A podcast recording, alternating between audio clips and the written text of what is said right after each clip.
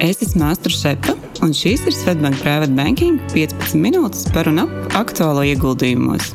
Katru piekdienu kopā ar kolēģiem un arī viesiem apspriedīsim karstākos jaunumus finanšu tirgos un labklājības veidošanas tēmās, lai aizraujoši klausīšanās.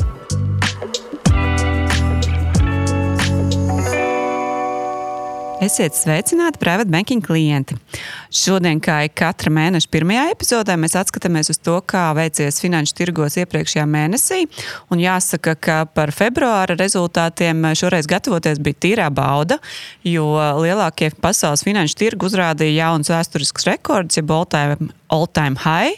Un investoriem pēc rezultātu paziņošanas sezonas gūstot lielāku pārliecību, ka AI nav īslaicīgs burbulis un tirgus straujā izaugsme varētu turpināties arī šogad.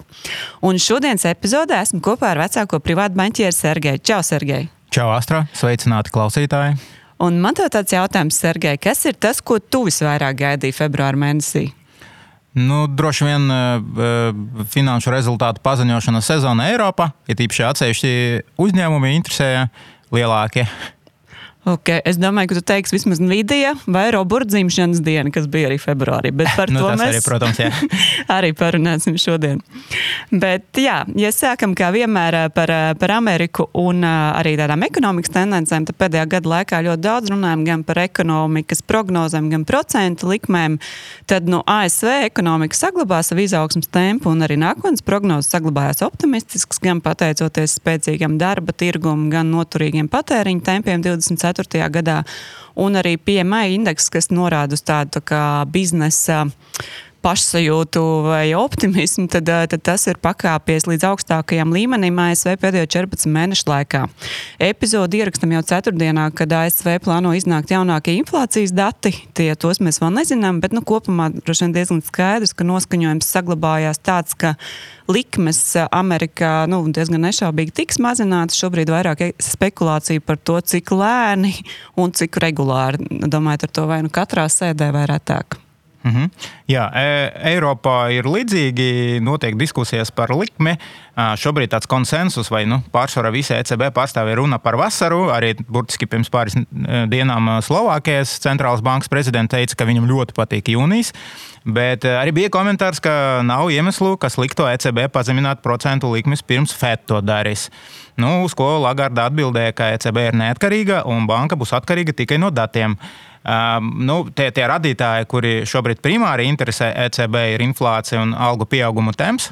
Un uh, Lagarde komentēja, ka Ceturtā ceturkšņā šie dati ir iepriecinoši, un ECB, bet ECB grib redzēt arī pirmā ceturkšņa datus. Tātad, nu, principā varam sagaidīt kaut kādus lēmumus neatrāk par otro ceturksni. Ja mēs eh, skatāmies uz ekonomikas sentimenta radītājiem, tad Eiropā bezdarbs, bezdarba līmenis ir saglabājies rekordzēmu līmeņi. Tur nedaudz virs 6%. Kopējais PMI indeks, kura ir gan ražošanas, gan pakalpojumu nozare, nedaudz pieauga. Eh, un tieši tās pakalpojumu jomas uzņēmumu noskaņojums būtiski uzlabojas. Pretējā puse, var teikt, eh, ir ražošanas nozares noskaņojums, kas joprojām ir negatīvs, un ražošanas PMI februārī ir samazinājies.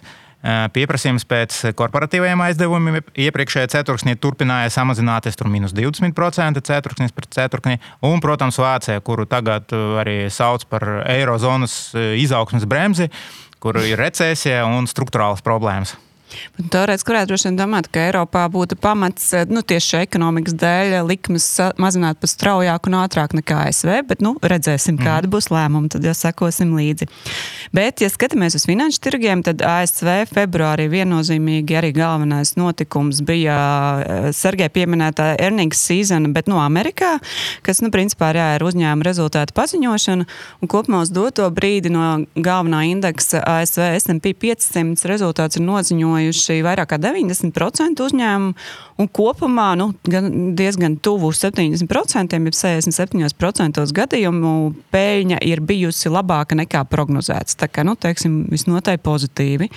Bet eh, tāds viss, viss, viss gaidītākais notikums februārī ir eh, nu, jau pieminētās jā, šī vērtīgākā pasaules pusvadītāja ražotāja, Nvidia, rezultātu paziņošana, kur ziņas par to, kā gaida tos rezultātus, bija, liekas, jau pāris dienas iepriekš, tad bija ziņas rezultātu dienā tad bija ziņas pēc tam, kā, rez, nu, kā bija tiešām Noteikti visu ziņu ziņa bija, epicentrā un tāds mega notikums. Un, un principā, jā, trīs lietas. Viens, Nvidia noziņoja, ka apgriezījums gada laikā ir pieaudzis par 265%, ja vairāk kā 3,5 reizes. Tā kā, nu, ļoti, ļoti iespaidīgi.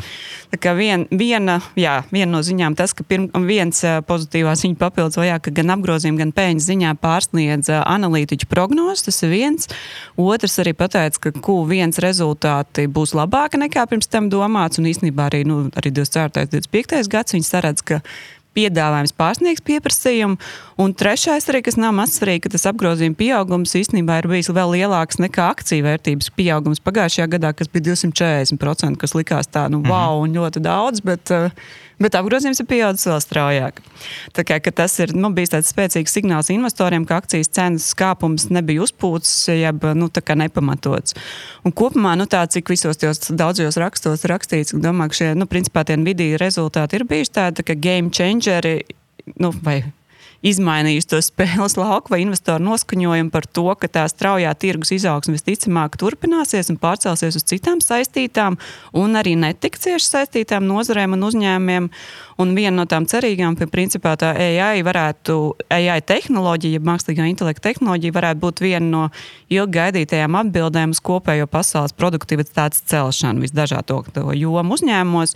Jo kopumā nu, tāds pēdējais lielākais produktivitātes izrāviens ASV bija laikā no 95. līdz 2005. gadam, un nu, tos pēdējos 20 gandrīz gadus bija zināma stagnācija. Tad, nu jā, ja runā par šo saka, game changer vai rezultātu svarīgumu, tad pēc Nīderlandes Nvidia rezultātu paziņošanas, principā visi trīs pasaules eh, lielākie finanšu tirgi sasniedz šos uh, vēsturiskos rekordus, gan SP 500, gan Dow Jones Amerikā, gan Japānas Nikkei, gan arī Eiropas Stock 600. Un SP 500 gadījumā tas pieaugums bija pa 5% februāra laikā. Un uz doto brīdi jau Nvidia kopējais novērtējums ir nu, tuvojās jau diviem triljoniem un ir kļuvis jau par trešo vērtīgāko ASV uzņēmumu. Nu, nu jā, tas noteikti bija tāds svarīgākais notikums februārī. Ļoti ietekmēja visus finanšu tirgus, visu pasaulē, bet starp citu šogad daudz runāja par AI arī Eiropas tehnoloģiju nozares uzņēmumu kontekstā. Uh, jā, Eiropa ir tehnoloģija nozare. Un, uh, nu, ir piemēram tāds Stoks Eiropas 600 tehnoloģiju indeks, kura ir 30 uzņēmumi, bet nu, tiesa diviem uzņēmumiem ir ļoti liels īpatsvars indeksa - 45%. Tas ir, protams, ASML Holding un SAP. Un abi uzņēmumi arī nu, reportēja rezultātus janvārī. Lieliski rezultāti. Pieauga šodien, eh, šogad eh, akciju cenas pat gan 30%. Un abi uzņēmumi profitēja no AI revolūcijas, jo ASML kaut arī pats neražo čipus, bet ļoti gribētu pateikt, ka ASML ir mūsu Eiropas Nvidia, jo, mm. jo arī ļoti liels uzņēmums un nu, gandrīz dominē tieši ra, čipu ražošana izmantoto iekartu tirgu ar kopējo tirgus daļu tur vairāk nekā 80%. Un viņiem cerībā uz to, kā šogad uh, visā pasaulē 42 jaunas pusvādītāju ražošanas rūpnīcas tik, tik eh, sāks darbu.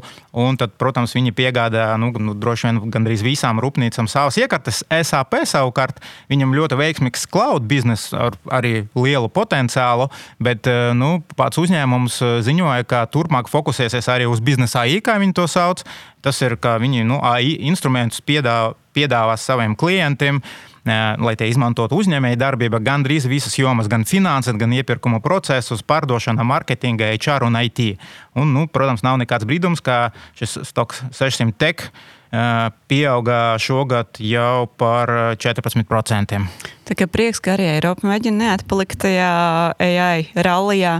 Un, ja vēl atgriežamies pie Amerikas tās ērnīgas sezonas, tad, tad kopumā jā, ja apskatāmies uz tiem, kas pagājušajā gadā bija topā, šie Magnificent Seven, un vēl joprojām šogad, protams, turpinās tas rallijs, tad, nu, kas pagājušajā gadā bija lielā mērā atbildīgi par to ASV tirgu lielisko sniegumu, tad tā pozitīvā ziņa ir tāda arī, ka pēc šīs rezultātu paziņošanas ir apkopot dati, ka, ka, ka peļņas ziņā 4. ceturksnī iepriekšējā gada viņi ir audzējuši to peļņu gads pret gadu par 55%. Nu, īsais kopējo šo septiņu uzņēmumu nu, apliecinot to, ka ir augusi ne tikai viņa akciju vērtība, bet arī biznesa rezultāti, kas ir ļoti pozitīvi.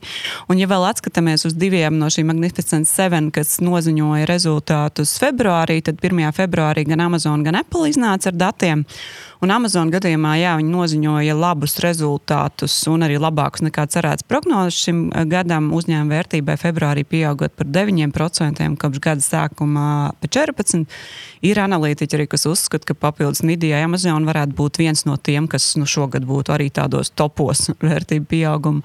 Savukārt Apple uh, varbūt ne tik veiksmīgi, jo viņiem uh, 4. ceturksnī pirmo reizi bija neliels pieaugums apgrozījumā. Tur nu, pirms tam bija 4 ceturksni pēc pēc kārtas ar kritumiem, bet kas investoriem ļoti nepatika, bija gan lielais kritums Ķīnā, kas skaidrojams ar gan lielu konkurenci Ķīnā. Attiecīgi, tā kā Amazon vērt, akcija nokrita par 6% gan februārī, gan, februārī, gan arī kopš gada sākuma.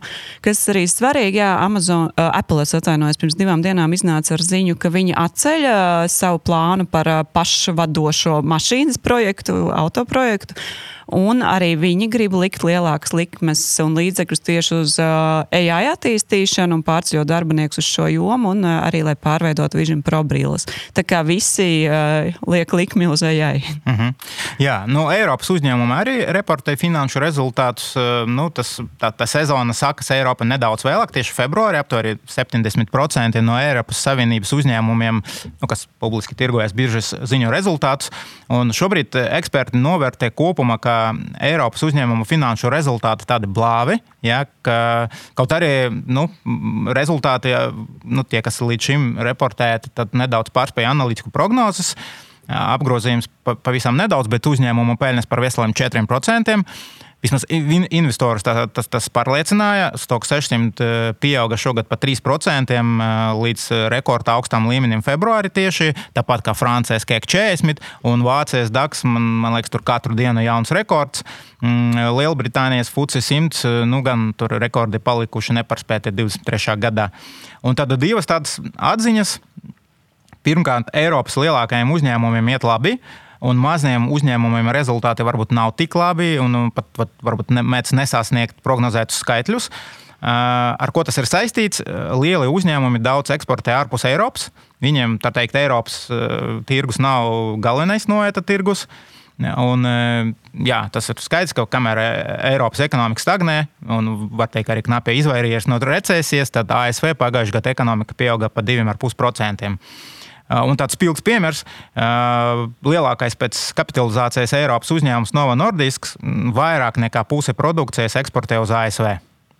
Un otrādi, uh, Stoks 600 indeksa 200 mazākie uzņēmumi nav sasnieguši prognozētus rezultātus vidēji par 5%, nu, ko ekspertāļi daļai skaidro ar augstu tirdzniecības ekspozīciju Eiropā. Un otrā atziņa, nu, tad pat varbūt nevis par prognozēm, bet nevis par rezultātiem, bet prognozēm. Uh, un varbūt par daļai par finanšu tirgumu, ka kopumā outperformē nozares ar augstu ekspozīciju Ķīnā. Pat ir tāds viedoklis, ka Eiropas akcijas piedāvā drošāku veidu, kā investēt, investēt Ķīnas ekonomikā, jo lielākā daļa Eiropas nozaru varētu gūt labumu no Ķīnas ekonomikas atvesaļošanas, un nu, eksperti domā, ka šī atvesaļošana akciju cenas vēl nav iecenota. Nu, tāds nedaudz amizants viedoklis. Es tad, runāju par to Ķīnas atvesļošanos. Es atceros, ka tieši pagājušā gada sākumā arī mēs daudz runājam par Ķīnas atvesļošanos. Es ceru, ka tas nav tāds ikgadēji cikla posms, atkal pie kā tā šobrīd ir. Tā sajūta varētu būt, ja tieši pirms gada runājam. Bet, eh, bet jā, nu, no Ķīnas ļoti, saka, iegūst vai no šīm ekspektācijām parasti luksus preču ražotāji. Un, ja atgriežamies pie ASV, tad īstenībā mēs daudz runājam par AI, bet, ja skatāmies februārī nozuru griezumā no S&P 500 indeksa, tad īstenībā lielākais ieguvējs ir bieži tieši consumer discretionary. Jā, ok, kurā ir arī Amazon iekļauts, bet uh, tieši starp nu, pats lielākais ieguvējs šajā indeksā tie, bijis tieši luksus preču ražotājs Ralfs Lorents. Šogad kopā, nu, gan februārī, gan visu gadu griezumā šī pieaugot pa 30%, un top 10 sarakstā ir arī Tapestry, kas pārstāv Coach un vēl divus uh, ASV zīmolus. Un, nu, vismaz Ralfa Lorenta gadījumā tur tieši viens no pamatojumiem ir bijis labāki nekā gaidīts Ķīnas rezultāti. Mm -hmm.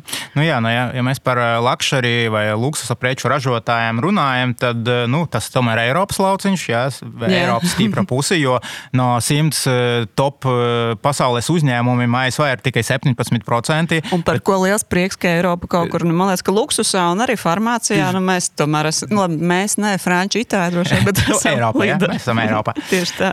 Tad Itālija ir 23%, Francija 9% un Šveicija ir 8%. Un, protams, arī šī nozara Eiropa profitē no investoru vēlmes gūt peļņu no iespējamas Ķīnas atveseļošanas. Ir tāds uh, stock luxury desmit indeks, kurā iekļauti desmit lielākie luxury preču ražotāji. Nu, visi, protams, ir zināmi uzņēmumi. Un uh, Barclays banka aprēķināja, ka aptuveni 26% peļņas daļu nu, šis indeks vai šie uzņēmumi gūs Ķīnā. Un no top 10 lielākajiem pēc kapitalizācijas Eiropas uzņēmumiem, četri ir no luxury segmenta. Tiešām LVMH ziņoja rezultātus jau janvārī. Viņam viss ir lieliski, apgrozījums plus 20%, peļņa plus 8%. Arī Dior ziņoja rezultātus janvārī, bet tagad februārī ziņoja L'Oreal. Viņam trešais gads pēc kartes, kad rekordi lieli labi rezultāti, un Hermes, kuram arī revenues plus 20% un peļņa plus 28% pie tam nu, lielisks rezultāts visos eh, reģionos, tā skaita Ķina, kur viņam jau ir pāri 30 veikaliem. Nu, līdz ar to jā, arī stoks. Šis Eiropa Luxury 10 no gada sākuma plus 25% salīdzinot ar Stoku 600, kuram tie ir tikai 3%. Un par Ķīnu runājot, īstenībā februāris ir pirmais mēnesis, man liekas, tādā ilgā laikā, kad ir tāda tīra skaista, skaists sniegums finanšu tirgos, gan Šankai kompozīti, gan Hang Seng indeksi. Februārī ir uzkāpuši ap par 8%. Tas skaidrojums viens ir, kad ir atkal kārtējā valdības apņemšanās atbalstīt finanšu tirgus, un tur ir bijušas arī zināmas intervences. Otrs arī februārī bija ķīniešu jaungada garās brīvdienas, kur ķīnieši tērēja vairāk nekā cerēts turismā un izklēdē. Nu, tā, bet uh, man vēl gribās drusku paturpināt par tām Eiropas spēcīgajām nozarēm, jo man liekas, ka ja amerikāņi māca radīt tehnoloģijas, tad Eiropiešiem tomēr ir, nu, kā tu teici, tā spēja radīt tādas dārgas, uh, foršas, kvalitatīvas lietas, par, arī, par jā. kuriem cilvēki arī gatavi maksāt, tā kā jā, luksus preces un uh, farmācijas preces un drusku arī ir tehnoloģijās. Tad, jā, tad uh, ir, ja mēs daudz runājam par šo Magnificent Seven Amerikā, tad Goldman Sachs ir nācis klajā ar šādu ekvivalentu arī Eiropai, un tas ir nevis tikai Magnificent Seven, bet Magnificent Eleven, veseli 11 uzņēmumi, uh, kas uh, tādā, nu, pēdējos gados vai gadu laikā ir nesuši neproporcionāli lielāku to kopējā stoku 600 uh, pienesumu vērtības ziņā. Un, jā, un tie ir jā, 11 uzņēmumi tieši farmācijas, pārtiks, luksus, preču un tehnoloģiju jomās. Ir viņiem vēl viens nosaukums, tāds granolas, kas ir akronīms no viņu visu pirmajiem nosaukumu burtiem, un tur tajā sarakstā tā skaitā ir Nova Nortisks, LVMH, tas pats tevs pieminētais ASML, SAPS, Nestle, L'Oreals un tā tālāk. Tā kā, nu jā, un um, Goldman Sachs arī uzskata, ka kopumā šie ir tie uzņēmumi, kas ar nākamajā finanšu tirgus izaugsmas ciklā varētu baudīt labus rezultātus. Viņiem ir arī labi, nu, spēcīgi finanšu rādītāji, ir bijusi stabila izaugsme un arī labi dividendžu maksātāji. Tā kā Eiropai ir ar ko lepoties. Mm -hmm. Labi, nu, Warrenam Buffetam ir cits viedoklis. jā, un šeit mēs pieskarsimies. Viņš nav Eiropietis, atcerēsimies. Jā, tieši tā, bet tēma, ko mēs, protams, nevaram apiet, jā, jo uh, slavens Warrens Buffets katru gadu uzrunā savā holdinga Berkshire Hathaway investorus. Nu, viņš publicē vēstuli. Parasti viņš stāsta par gada rezultātiem un notikumiem. Un, bet viņa ilgādējais partneris, viņam var teikt, laba roka, Čārlis Mungers, mīris pērn novembrī. Šoreiz šī vēstule arī tāpēc bija ļoti gaidīta, protams. Un nu, pašam arī Warrenam 93 gadi. Un Warrens vēstulē atzīst, ka ASV ir tikai daži uzņēmumi, kuri varētu būt interesanti, lai tajos ieguldītu holdinga līdzekļus. Ja, ļoti interesants viedoklis. Un ārpus ASV viņa, prāt, vispār nav kandidāta. Ja? Tātad uz Eiropu viņš neskatās. Kaut arī, arī Japānu viņš ieguldīja pagājušajā gadā piecus lielus uzņēmumus. Bet, nu, Šobrīd viņam ir tāds viedoklis, un tā, tāpēc Berkshire nākotnē īstenībā nebūs iespējas nodrošināt investoriem sniegumu, kāds tas bija pagātnē. Jā, viņš, protams, saka, ka viņu rezultāti tāpat būs slightly better. Nu, atcerēsimies, ka viņš SMP 500 reizes divi, liekas, apsteidzis. Visu laiku, ka viņš pie 20% gadā ir nesis atdevi. Vairāk, jā, nu, viņš joprojām domā, ka tas slightly better būs rezultāts, mm -hmm. bet vispārējais ir wishful thinking, respektīvi tādie super rezultāti vairs nebūs. Nu, Investoru šī atziņa īstenībā maz satrauca, tikai nu, kaut kāda minus 1%. Es paskatījos, pakoridējas akcijas cena. Un eksperti arī komentē, ka nu, tas ir tikai loģiski, ja vienkārši uzņēmums ir tik liels, ka atdeves iespējas no viena vai pat pāris iegādātām firmām nu, izkliedētas. Vairs, vairs nu, nevar būtiski ietekmēt holdinga finanšu rezultātus. Tu teici par to investoru satraukumu. Es tieši šodien ziņās lasīju par diviem uzņēmumiem, kas ļoti iedzen šobrīd to Magnificent Seven, daudz aprunāto, kas man, man tā cerība, ka tas apliecina to, ka tas rallijas un tirgus izaugsme pārnesās arī uz citiem uzņēmumiem. Tad viens no tiem ir tieši tā Berkshire Hathaway, mm. kurš jau ir pietuvojies 900 miljārdu vērtībai. Un, un tā ziņa tāda, ka ja tā, turpinās augt tādā tempā, kā šogad ir izaudzis, tad varētu arī virzīties to vienu triljonu novērtējumu. Mm -hmm. Un otrs ir farmācijas, jā, šis Elija Lilija, kas jau 700 miljardiem ASV uzņēmums pietuvojies. Mm -hmm. nu, tā, Jā, nu, bet tad tur vēl paturpināšu par to vēstuli. Tur kaut kas interesants arī bija. Mēs zinām, ka kāds uh, Warrena Buffeta investora profils, jā, viņš, viņš ilgtermiņa investors, viņš, nu, viss ir ļoti vienkārši, jā, tas ir mm. sarkartiski. Uh, viņš izvēlās labas akcijas pareiza brīdī un paliek pie tām akcijām tik ilgi, kamēr kompānija ir laba. Jā. Un, e, un viņš savā vēstulē parasti komentē, nu, kāpēc viņi bija ieguldījuši līdzekļus viena vai cita uzņēmuma. Par Coca-Cola, man liekas, viņš bezmazliet katru reizi rakstā. E, šoreiz viņš minēja par Amex, kuru Berkshire 90. gadu sākumā iegādājas. Un Berkshire daļa Amex peļņa šogad ievērojami pārsniegusi summu, kuru viņi bija sakotnēji ieguldījuši Amex akcijās. Nu, respektīvi, viņi bija ieguldījuši 1,3 miljārdus Amex akcijās toreiz, bet ņemot vērā, ka fondam pieder ap 20%, nevis fondam, bet holdingam pieder ap 20% Amex, un Amexam pagājušajā gadā bija peļņa 8 miljardi, tad, nu, principā Berkshire pienākās 1,6 miljardi. Nu, tas ir tāds izcils piemērs, ko nozīmē ilgtermiņa ieguldījuma stratēģija. Tā kā jā, cerēsim, ka Berkshire Hathaway turpina uzrādīt tādu rezultātu tomēr arī nākotnē, bet nu, arī bišķi sliktāk noteikti būs izcili. Bet papildus Buffeta vēstulē, kā es teicu, sākumā februārī bija vēl viens svarīgs notikums priekš Svetbank, un februārs ir īpašs ar to, ka februārī apritē jau trīs gadi, kopš ieguldītājiem Baltijā ir iespēja veikt ieguldījumus Svetbank Robur fondos. Man gan ir jāatgādina, ka Svetbank Robur fonda pārvaldniekam ir daudz, daudz vairāk gadi, un drīz jau tuvosies 60 jubileja, bet, un kas ir šobrīd jau viens no lielākajiem Zviedrijas pārvaldniekiem. Un par Roboru fondiem droši vien var teikt to, ka Svetbanka Latvijā tie ir īpaši ar to, ka tev iegāda ir ļoti ērti paveicama gan no Svetbanka internetbankas, gan, gan mobilās aplikācijas. Var ieguldīt sākot kaut vai no viena eiro. Un ļoti svarīgi arī, ka Svetbanka Roboru fondu iegāda un turēšana ir bezmaksas un kopumā tā ir, tam ir zemes pārvaldīšanas izmaksas. Mm -hmm. nu, te nav ko piebilst. Mēs uh, bieži stāstām par Obaru fondiem, es ceru, ka klausītājiem ir skaidrs, kas tas par instrumentu, ka tas ir ļoti labs instruments. Es tikai paskatījos, uh, kuri ir bijuši tie populārākie fondi pēdējos daudzos mēnešos. Un, protams, šeit nu, mēs visi, visi dzīvojam viena burbuļa. Ļoti neatšķiras no tā, kas pasaulē notiek, jo pasaulē tieši ASV un ASV IT uzņēmumi virza finanšu tirgus uz, uz augšu, un tad mums top 3 nu, secība var mainīties, bet top 3 eh, fondi ir Robot Technology Fund, kurš, ja mēs skatāmies no darbības sākuma, no 21. gada pieauga par 58%. Robot XSH USA, kas nu, iegulda līdzekļus ASV uzņēmumos, tur plus 38% no darbības sākuma, un Robot XSH Global, kas visas eh, pasaules uzņēmumu akcijas, plus 33%. Nu, protams, kas jāatgādina, ka vēsturiskais ienesīgums negarantē tādu pašu pēļņu ienesīgumu nākotnē. Protams, ir arī citas ieguldījuma iespējas, kā piemēram ETF vai individuālās akcijas vai citu veidu ieguldījumu produkti. Uh, Jā, nu mēs kopumā, kad mēs runājam par akcijiem vai ieguldījumiem, akcijas vai akciju fondus, tad nu, tas ieteicamais termiņš vai, vai, vai ieguldījuma horizons ir pieci gadi. Nu, tāpēc. Jā, tā kā izmantojam iespēju ieguldīt, ja tās jāsasumē februāra galvenais notikums, manuprāt, tiešām ir tā cerība, ka mēs piedzīvojam iespējams tādas tektoniskas pārmaiņas mākslīgā intelekta izrāviena jomā. Nu, cerēsim, ka tā arī turpināsies. Paldies liels, Sergei, tev par šo epizodu un sarunu. Paldies! Paldies mūsu klausītājiem un tikšanos nākamajā epizodē. Veiksmi ieguldījumos! Audio saturā dzirdētā informācija nav uzskatāms par ieguldījumu konsultāciju vai ieteikumu slēgt finanšu tirgus darījumus vai ieguldīt finanšu instrumentos. Paldies, ka klausījāties! Lai izdosies diena un uz tikšanos nākamajā sarunā!